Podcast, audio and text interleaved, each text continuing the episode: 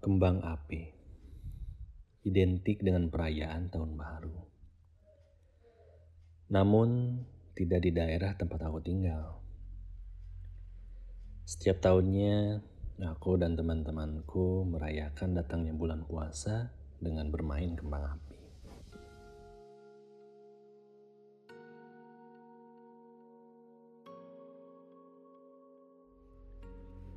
Malam ini, sehabis sholat isya, aku dan dua temanku berencana untuk bermain kembang api.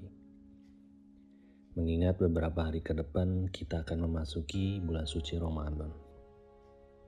Kami sepakat patungan untuk membeli beberapa kembang api.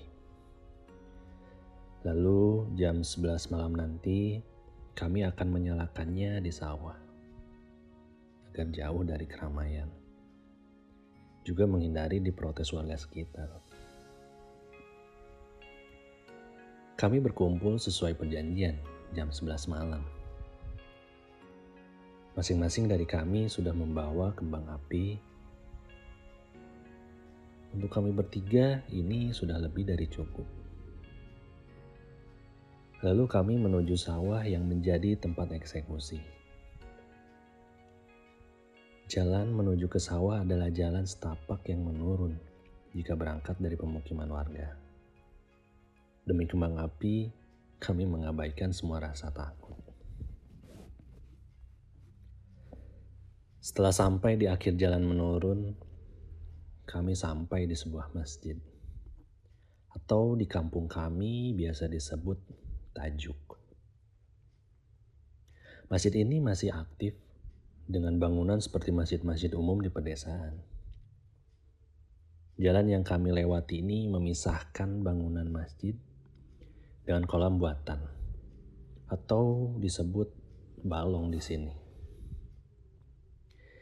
Di samping masjid dan kolam terdapat parit ukuran sedang yang juga berfungsi sebagai jalur irigasi dari sawah.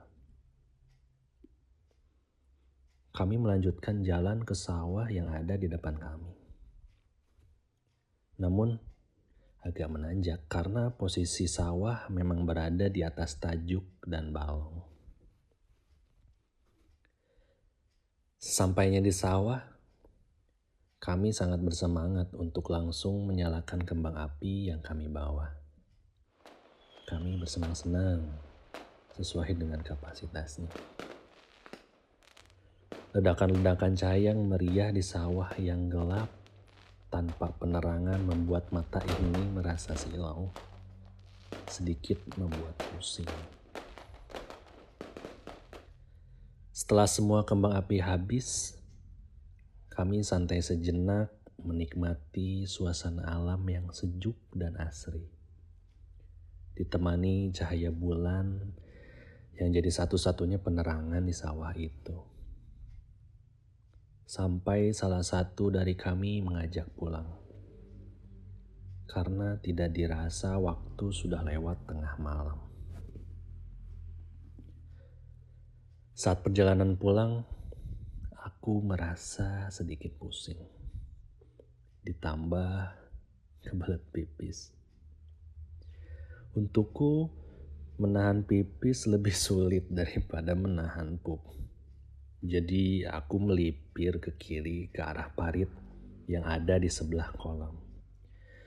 Menuju ke tempat buang air yang ada di ujung kolam atau kami biasa menyebutnya jamban. Aku minta kedua temanku untuk menunggu di masjid. Tunggu ya, gak akan lama. Ucapku pada mereka sambil berusaha menahan pipis yang makin sulit ditahan. Mereka mengiyakan sambil terus jalan ke arah masjid. Aku bukanlah orang yang pemberani, terlebih pada hal-hal mistis. Tapi saat ini aku berani karena aku berada di dekat masjid teman-temanku tidak jauh. Dan sebentar lagi bulan Ramadan. Setidaknya itu cukup memberikan sugesti baik untuk diriku. Aku masih berjalan di pinggir parit ukuran sedang yang aliran airnya cukup deras. Dengan kondisi menahan pipis dan kepala yang masih agak pusing. Aku berjalan sepoyongan. Kulihat di depanku ada sebuah pohon mangga yang cukup besar.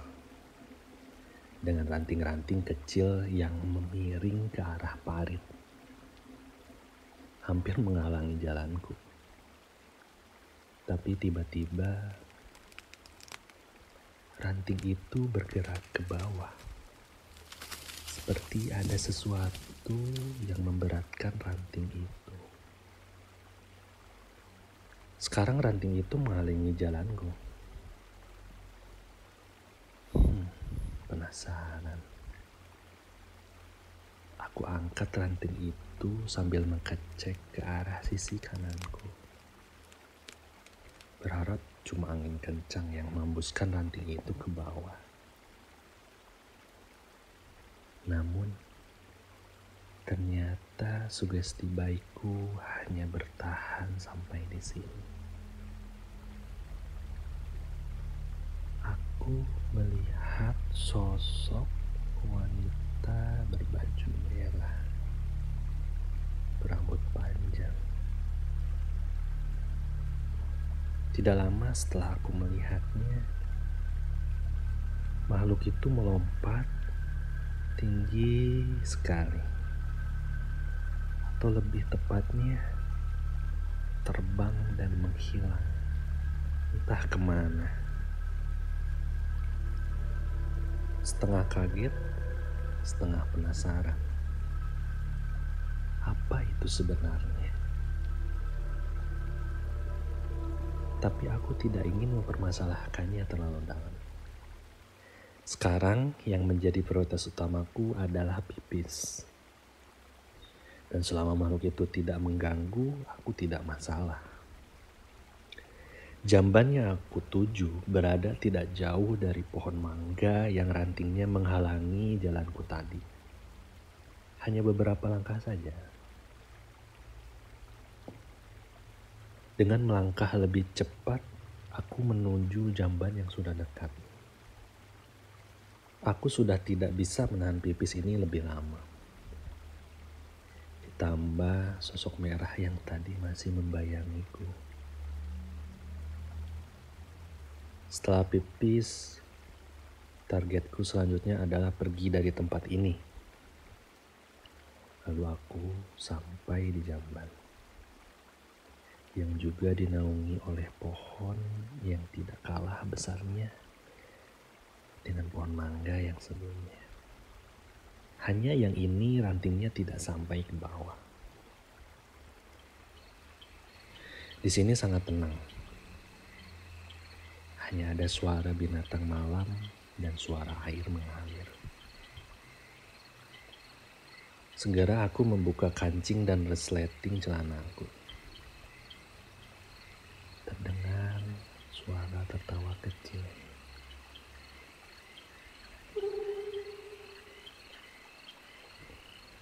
Suaranya berasal dari pohon besar yang ada di samping jamban.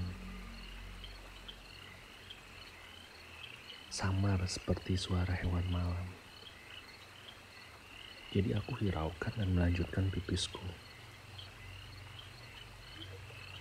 Setelah pipis, aku segera memasang kembali celanaku dan bergegas kabur dari tempat ini.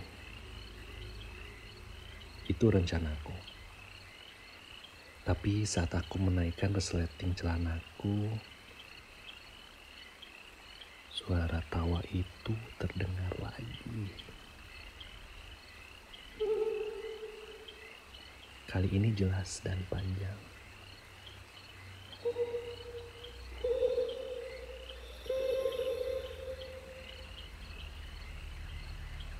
Di situ aku menyerah.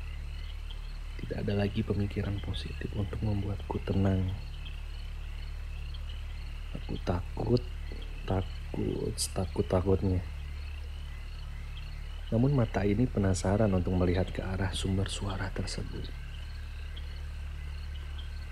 Suara itu berasal dari makhluk merah yang aku lihat sebelumnya. Kali ini jelas sekali menampakkan wujudnya di depan kedua mataku. Sosok wanita itu duduk di salah satu dahan pohon dengan kain merah panjang yang menutupi tubuhnya. Mata kirinya merah seakan menyala karena semua kulitnya hitam gelap seperti terbakar. Aku tidak bisa melihat mata kanannya karena tertutup rambutnya yang panjang.